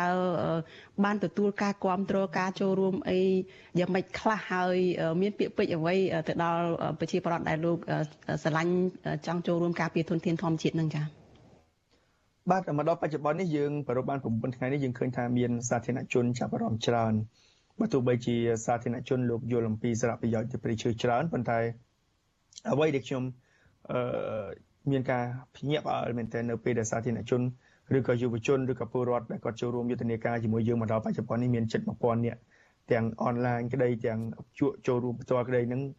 ឬក៏ចូលរួមសកម្មភាពនានាដែលពាក់ព័ន្ធជាមួយយើងក្តីនឹងគាត់គាត់បង្ហាញអំពីឆន្ទៈនៃជាអ្នកការពារប្រៃឈើហ្មងជាអ្នកចូលរួមការពារប្រៃឈើមិនមែនជាការស្វែងយល់ឬក៏ការជាចំណេះដឹងទេប៉ុន្តែគាត់បង្ហាញឆន្ទៈក្នុងនាមជាអ្នកការពារប្រៃឈើជាអ្នកចូលរួម អ្នកស្រឡាញ់ហើយអ្នកចង់បានឲ្យប្រៃឈើមាននិរន្តរភាពអញ្ចឹងក្នុងនាមខ្ញុំជាជាអ្នកធ្វើការក្នុងវិស័យនេះមួយរូបដែរខ្ញុំស្នើសុំឲ្យប្រជាពលរដ្ឋកម្ពុជាទាំងអស់មេត្តាបញ្ឈប់ការកាប់បំផ្លាញនិងការទន្ទ្រានព្រៃឈើការបំផ្លាញព្រៃឈើមួយដើមគឺស្មើសម្រាប់ជីវិតមនុស្សរាប់រយនាក់ជីវិតសត្វរាប់រយពីព្រោះអីដើមឈើមួយដើមអាចផលិតអុកស៊ីហ្សែន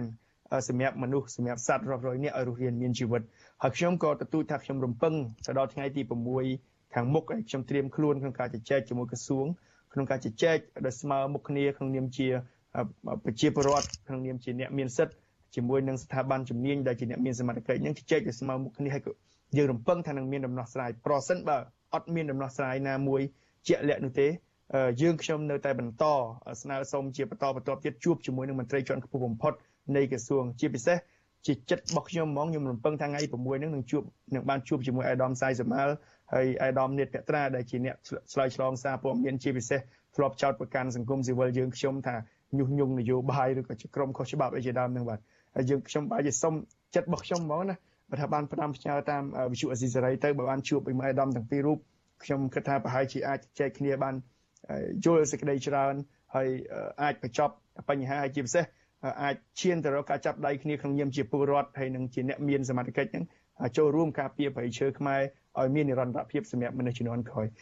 ប្រៃឈើប៉ុណ្ណេះយើងអាចការពារចាប់ពីពេលនេះទៅទៀតក៏បានរឿងបាត់បង់យើងទុកតម្លៃសំខាន់អាចមានដំណោះស្រាយរួមគ្នាក្នុងការចូលរួមប្រៃឈើការពារប្រៃឈើប្រកបទៅដោយចីរភាពសម្រាប់មនុស្សជំនាន់ក្រោយហើយខ្ញុំរំពឹងថានឹងបានជួបជាមួយអាដាមនៅពេលខាងខាងមុខនេះដែរបាទ ចាអរគុណច្រើនកំហុងដែលបានផ្ដល់ការសម្ភាសក្បោះក្បាយនៅយប់នេះចាជូនពរសុខភាពល្អហើយនឹងជោគជ័យទៅតាមការប្រាថ្នាចាសូមអរគុណសូមជម្រាបលាចាបាទសូមជម្រាបបន្តិចដែរថ្ងៃទី29នេះក្រមសង្គមស៊ីវិលក៏ដាក់ញត្តិទៅកាន់ក្រសួងទាំងពីរដែរមែនតើទៅគ្រោងដាក់ញត្តិក្រោយជំនួបប៉ុន្តែដោយសារតែមានការពជាពេលពីខាងក្រសួងបរិស្ថានប៉ុន្តែយើងនៅតែរក្សាចំហថ្ងៃ29យើងនឹងដាក់ញត្តិនៅមុខក្រសួងបរិស្ថានហើយនឹងនៅមុខក្រសួង ទៅកាន់ក្រសួងកសិកម្មតាក់ទងជាមួយនឹងបញ្ហាភ័យឈើនេះដែរបាទអរគុណច្រើនបាទចាអរគុណច្រើនជម្រាបលាចាបាទជម្រាបលាបាទបាទចាលោកនាងកញ្ញាជាទីមេត្រីចាតកតងនឹងស្ថានភាពការពារធនធានធម្មជាតិឬក៏ជីវភាពរបស់ ជនជាតិដើមភាគតិចនៅក្នុងខេត្តព្រះវិហារឯនោះវិញចាជនជាតិដើមភាគតិចគួយរាប់រយគ្រួសាររស់នៅក្នុងខេត្តព្រះវិហារចាត់ទុកវិធានការរបស់អាជ្ញាធរខេត្តនេះដែលបង្គាប់ឲ្យពលរដ្ឋមូលដ្ឋានចាឈប់ធ្វើស្រែចម្ការនៅក្នុងបរិវេណដីសម្បត្តិសេដ្ឋកិច្ចរបស់ក្រុមហ៊ុនហេងហ្វូថាជារឿងអយុត្តិធម៌និងលំអៀង អ្នកភូមិអះអាងថាកន្លងទៅពួកគាត់បានប្តឹងទាមទារដីស្រែចម្ការដើម្បីបង្កបង្កើនផលប៉ុន្តែត្រូវក្រុមហ៊ុនហេងហ្វូរំលោភយកជិត10ឆ្នាំមកហើយប៉ុន្តែគ្មានដំណោះស្រាយឡើយចាលោកលេងម៉ាលីរាយការណ៍អំពីរឿងនេះជនជាតិដើមភាគតិចគួយជិត1000គ្រួសាររស់នៅឃុំប្រមេស្រុកត្បៃមានជ័យបន្តទាមទារដីមានចំនួនជាមួយក្រុមហ៊ុនស្កអំពើចិនដើម្បីចុះបញ្ជីដីសមរភាពជូនពលរដ្ឋមូលដ្ឋានអាស្រ័យផលចិញ្ចឹមជីវិតវិញ ការលើកឡើងនេះក្រោយពីអាជ្ញាធរខេត្តនេះបានចេញសេចក្តីជូនដំណឹងមួយកាលពីសប្តាហ៍មុនស្នើឲ្យពលរដ្ឋបញ្ឈប់ចូលទន្ទ្រាននិងធ្វើស្រែក្នុងបរិវេណដីរបស់ក្រុមហ៊ុនចិនហើយប្រសិនបើពលរដ្ឋណាមិនអនុវត្តតាមសេចក្តីជូនដំណឹងនេះទេរដ្ឋបាលខេត្តនឹងចាត់ការតាមច្បាប់ប្រធានសហគមន៍ជនជាតិដើមភាគតិចគួយឃុំប្រមេលោកស្រីទេពទឹមប្រាប់វិទ្យុអស៊ីសេរីនៅថ្ងៃទី24មីនាថាអាជ្ញាធរខេត្តព្រះវិហារមិនទាន់ដោះស្រាយសំណុំពរនិងញត្តិរបស់អ្នកភូមិនៅឡើយទេជាច្រើនឆ្នាំមកហើយ លោកស្រីថារយៈពេល3ឆ្នាំកន្លងទៅនេះអាជ្ញាធរខ្លះបានខុបខិតជាមួយកម្មករក្រុមហ៊ុនចិនជួលដីរាប់ពាន់ហិកតាឲ្យពលរដ្ឋចំណូលស្រុកគឺក្នុង1ហិកតា40ម៉ឺនរៀលដោយមិនអនុញ្ញាតឲ្យពលរដ្ឋម្ចាស់ស្រុកចូលទៅបង្កបង្កើនផលលើដីដែលធ្លាប់អាស្រ័យផលជាយូរមកហើយនោះទេ។ ថាក៏អីក៏មិនឲ្យប្រជាពលរដ្ឋដែលលោកឆ្លប់រស់នៅតំបន់ហ្នឹងលើកអាស្រ័យផលចិញ្ចឹមជីវិតគ្រួសារអញ្ចឹងគ្រូបីជាហាក់បាត់អាហ្នឹងមិនទៅទេខុសលោកបំពេញទៅលើចិត្តជំនឿដើមទេតែយ៉ាងធ្ងន់ធ្ងរដែលគាត់មានដីមានទីតែចំណុយគាត់ប្រើប្រាស់អញ្ចឹងតែពួកខ្ញុំនៅតែទៅមិនគឺថាទៅជាជេថាមូលហេតុអីបានហាមឃាត់ប្រជាពលរដ្ឋមិនឲ្យអាស្រ័យផលអញ្ចឹងពលរដ្ឋម្នាក់ទៀតគឺលោកស្រីរឿនខាន់សង្កេតឃើញថា កូនចៅអ្នកភូមិកាន់តែកើនច្រើនធ្វើឲ្យតម្រូវការប្រើប្រាស់ដីធ្លីធ្វើកសិកម្មចិញ្ចឹមគ្រួសារក៏រីកធំឡើងដែរហេតុនេះពលលោកស្រីបន្តអំពាវនាវឲ្យអាជ្ញាធរពន្លឿនការកាត់ជ្រៀលដីពីក្រុមហ៊ុនដើម្បីចុះបញ្ជីដីសមរភាពផ្ដល់លទ្ធភាពឲ្យអ្នកភូមិមានទីកន្លែងដាំដុះនិងឃ្វាលគោក្របី។ ចង់ឲ្យដោះស្រាយថាឲ្យបងប្អូនបានហូបមួយគ្រាប់មួយគ្រាន់សិនកុំឲ្យគ្នាខ្វះខាតអ្នកខ្លះខ្ចីអង្គការអ្នកខ្លះអីជំងឺឈឺប្រកាន់អាស្រមក៏គ្នាធ្វើបានតិចដោយសារដីវាពាក់ព័ន្ធនឹងក្រុមហ៊ុនយកក្រុមហ៊ុនយកច្រើនជាងខ្វៀលទុកតិចដូច្នេះហើយអ្នកខ្លះគ្នាអត់ក៏ចង់ឲ្យអបបាលខេត្តហ្នឹងជួយយ៉ាងណាឲ្យបានបន្ថែមដីនោះទៅលើអ្នកដែលគ្នាបានហូបដូចថាមួយរងណាមួយរងមានលុយកាក់បានលក់បានដូរខ្លះ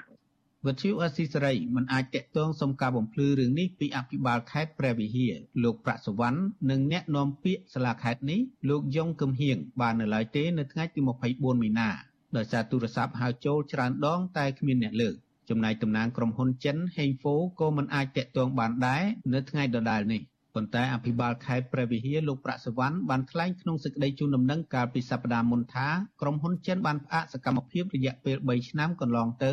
ដោយសារតែជំងឺ Covid-19 ក៏មានពលរដ្ឋចូលទៅទន្ទ្រាននិងកាន់កាប់បែបអនាធិបតេយ្យនៅទីតាំងដីវិនិយោគលោកស្នើឲ្យពលរដ្ឋត្រូវឈប់ជាបន្ទាន់ចូលទៅទន្ទ្រាននិងធ្វើស្រែក្នុងបរិវេណដីដែលរដ្ឋាភិបាលវិនិយោគឲ្យក្រុមហ៊ុនចិនអ្នកភូមិអះអាងថាគិតត្រឹម2សប្តាហ៍ចុងក្រោយនេះគេឃើញកម្មករក្រុមហ៊ុនចិនជាច្រើនអ្នកពង្រាយចុះពិនិត្យទីតាំងដីនិងហាមឃាត់មិនឲ្យជួលដីឲ្យពលរដ្ឋចំណូលស្រុក ស្របពេលដែលពលរដ្ឋចំណូលស្រុករាប់ពាន់គ្រួសារបានមកជួលដីពីកម្មករក្រុមហ៊ុនចិន3ឆ្នាំកន្លងទៅដើម្បីដាំម្រេចស្រូវនិងដំឡូងមីជាដើមអ្នកភូមិសង្ស័យថាក្រុមហ៊ុននេះនឹងរៀបចំដំណើរការសង្វាក់ផលិតកម្មឡើងវិញនៅឆ្នាំនេះជុំវិញរឿងនេះនាយកប្រតិបត្តិអង្គការពន្លកខ្មែរលោកពឹងសុភ័ណ្ឌចាត់ទុកសេចក្តីប្រកាសព័ត៌មានរបស់អាជ្ញាធរខេត្តនេះថាជារឿងអយុត្តិធម៌សម្រាប់ពលរដ្ឋម្ចាស់ស្រុក លោកបញ្ជាក់ថាដីដែលប្រជាសហគមន៍មូលដ្ឋានទាមទារនិងអាស្រ័យផលកន្លងទៅ គឺជាអតីតដីដែលពលរដ្ឋជនជាតិដើមភាគតិចគួយបង្កបង្កើនផលមុនពេលក្រុមហ៊ុនមកវិនិយោគ ដំណោះស្រាយវិញមិនដឹងថាអាជ្ញាធរនឹងគាត់ដោះស្រាយយ៉ាងម៉េចជាមួយនឹងមន្ត្រីឬក៏អាជ្ញាធរមួយចំនួនហើយនឹងអ្នកខាងក្រៅដែលមកជួលដីតើតើគាត់ដោះស្រាយយ៉ាងម៉េចដែលបានជួលហើយបានធ្វើហើយនោះអញ្ចឹងណាហើយតាមពិតដីដែលសហគមន៍ចូលទៅប្រើប្រាស់ទាំងអស់នេះគឺជាអតីតដីរបស់គាត់ទេអញ្ចឹងណាបាទអញ្ចឹងវាគាត់នៅមើលឃើញពីភាពអយុត្តិធម៌ ក្រុមហ៊ុនសម្បទានសេដ្ឋកិច្ច Heinfo ទទួលសិទ្ធិវិនិយោគពីរដ្ឋាភិបាលលើផ្ទៃដីទំហំជាង40000ហិកតា តាំងពីឆ្នាំ2011វិនិយោគដំណាំអំពៅនិងកៅស៊ូក្រុមហ៊ុននេះជាក្រុមហ៊ុនមេនិងមានបទសម្ព័ន្ធក្រុមហ៊ុនចំនួន5ទៀតវត្តមានក្រុមហ៊ុននេះធ្វើឲ្យប៉ះពាល់ដល់ជនជាតិដើមភាគតិចប្រមាណ2000គ្រួសារដែលមានប្រជាពលរដ្ឋប្រមាណ10000នាក់ស្ថិតនៅក្នុងភូមិចំនួន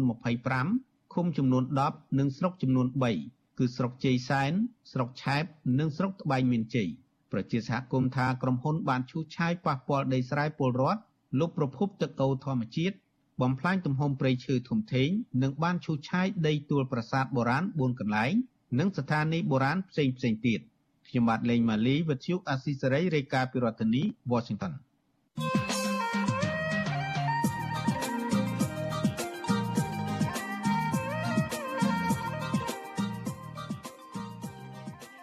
នាងជាទីមេត្រីគណៈបកកម្ពុជានិយមត្រៀមនឹងចូលរួមបោះឆ្នោតជ្រើសរើសសមាជិកក្រុមប្រឹក្សាឃុំសង្កាត់នៅខែមិថុនាខាងមុខ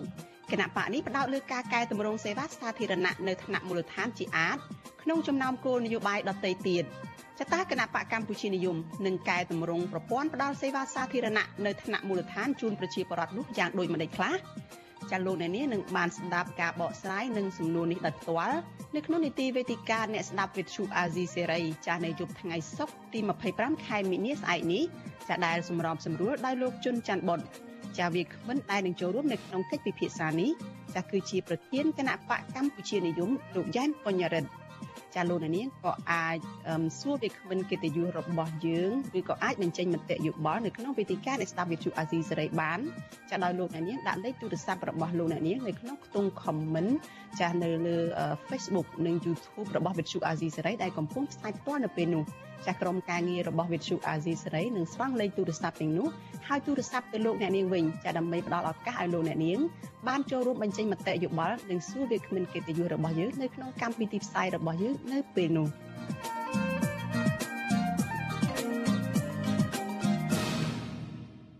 ចាលោកនាងជាទីមេត្រីចាចំពោះលោកនាងដែលកំពុងតាមដានការផ្សាយរបស់វិទ្យុអាស៊ីសេរីចាតាមរយៈវិទ្យុរលកធាតុអាកាសខ្លី SW ចាលោកនាងនឹងមិនបានលើការផ្សាយរបស់យើងតទៅទៀតទេហើយនេះខ្ញុំក៏សូមជម្រាបលាលោកអ្នកត្រឹមតែប៉ុណ្ណេះសិនចាប៉ុន្តែចំពោះលោកអ្នកនាងដែលកំពុងតែតាមដានការផ្សាយរបស់យើងតាមរយៈបណ្ដាញសង្គម Facebook និង YouTube ចាសូមបន្តតាមដានការផ្សាយរបស់យើងជាបន្តទៅទៀត ចានៅក្នុងកម្មវិធីផ្សាយជាបន្តទៅទៀតនេះចាលោកមួងណារ៉េតនឹងចូលមកសម្របសម្រួលកិច្ចពិភាក្សាមួយចាដោយផ្ដោតទៅលើផលប៉ះពាល់សុខភាពពីការប្រើប្រាស់ថ្នាំផ្សះនិងថ្នាំបំបត្តិការឈឺចាប់ចាជំវិញស្ថានភាពជំងឺ Covid-19 ចាអ្នកជំនាញអសុទ្ធសាស្ត្រខ្មែរអូស្ត្រាលីចាលើកឡើងថាពលរដ្ឋខ្មែរជាច្រើនជាពិសេសគឺមនុស្សចាស់និងអ្នកដែលមានជំងឺរ៉ាំរ៉ៃប្រចាំកាយនោះគឺងាយនឹងរងគ្រោះថ្នាក់ដល់អាយុជីវិត។ ដោយសារតែរដ្ឋាភិបាលលែងឲ្យអ្នកដំណើរដែលចូលទៅកម្ពុជានោះធ្វើតេស្តរោគជំងឺ Covid-19 ចាស់ជាមួយគ្នានេះកម្ពុជាក៏កំពុងប្រឈមនឹងបញ្ហាសុខភាពធ្ងន់ធ្ងរមួយទៀតគឺការដែលប្រជាពលរដ្ឋខ្មែរគឺប្រើប្រាស់ថ្នាំផ្សះនិងថ្នាំបំបត្តិការជិះចាប់ទៅតាមអំពើចិត្តដោយមិនដឹងពីផលប៉ះពាល់សុខភាពចាសសូមអញ្ជើញលោកអ្នកនាងរងចាំតាមដាននិងស្ដាប់ កិច្ចពិភាក្សានេះចារវាងលោកមួងណារ៉េដែលជាអ្នករាយការណ៍ព័ត៌មានរបស់វិទ្យុអាស៊ីសេរីជាមួយនឹងអសតការីខ្មែរអូស្ត្រាលីចាគឺលោកលឹមសួរដែលលោកនឹងចូលមកជជែកនៅក្នុងការផ្សាយរបស់យើងនៅពេលបន្តិចទៀតនេះចាសម្រាប់ពេលនេះចានេះខ្ញុំសូមអរគុណនិងសូមជម្រាបលា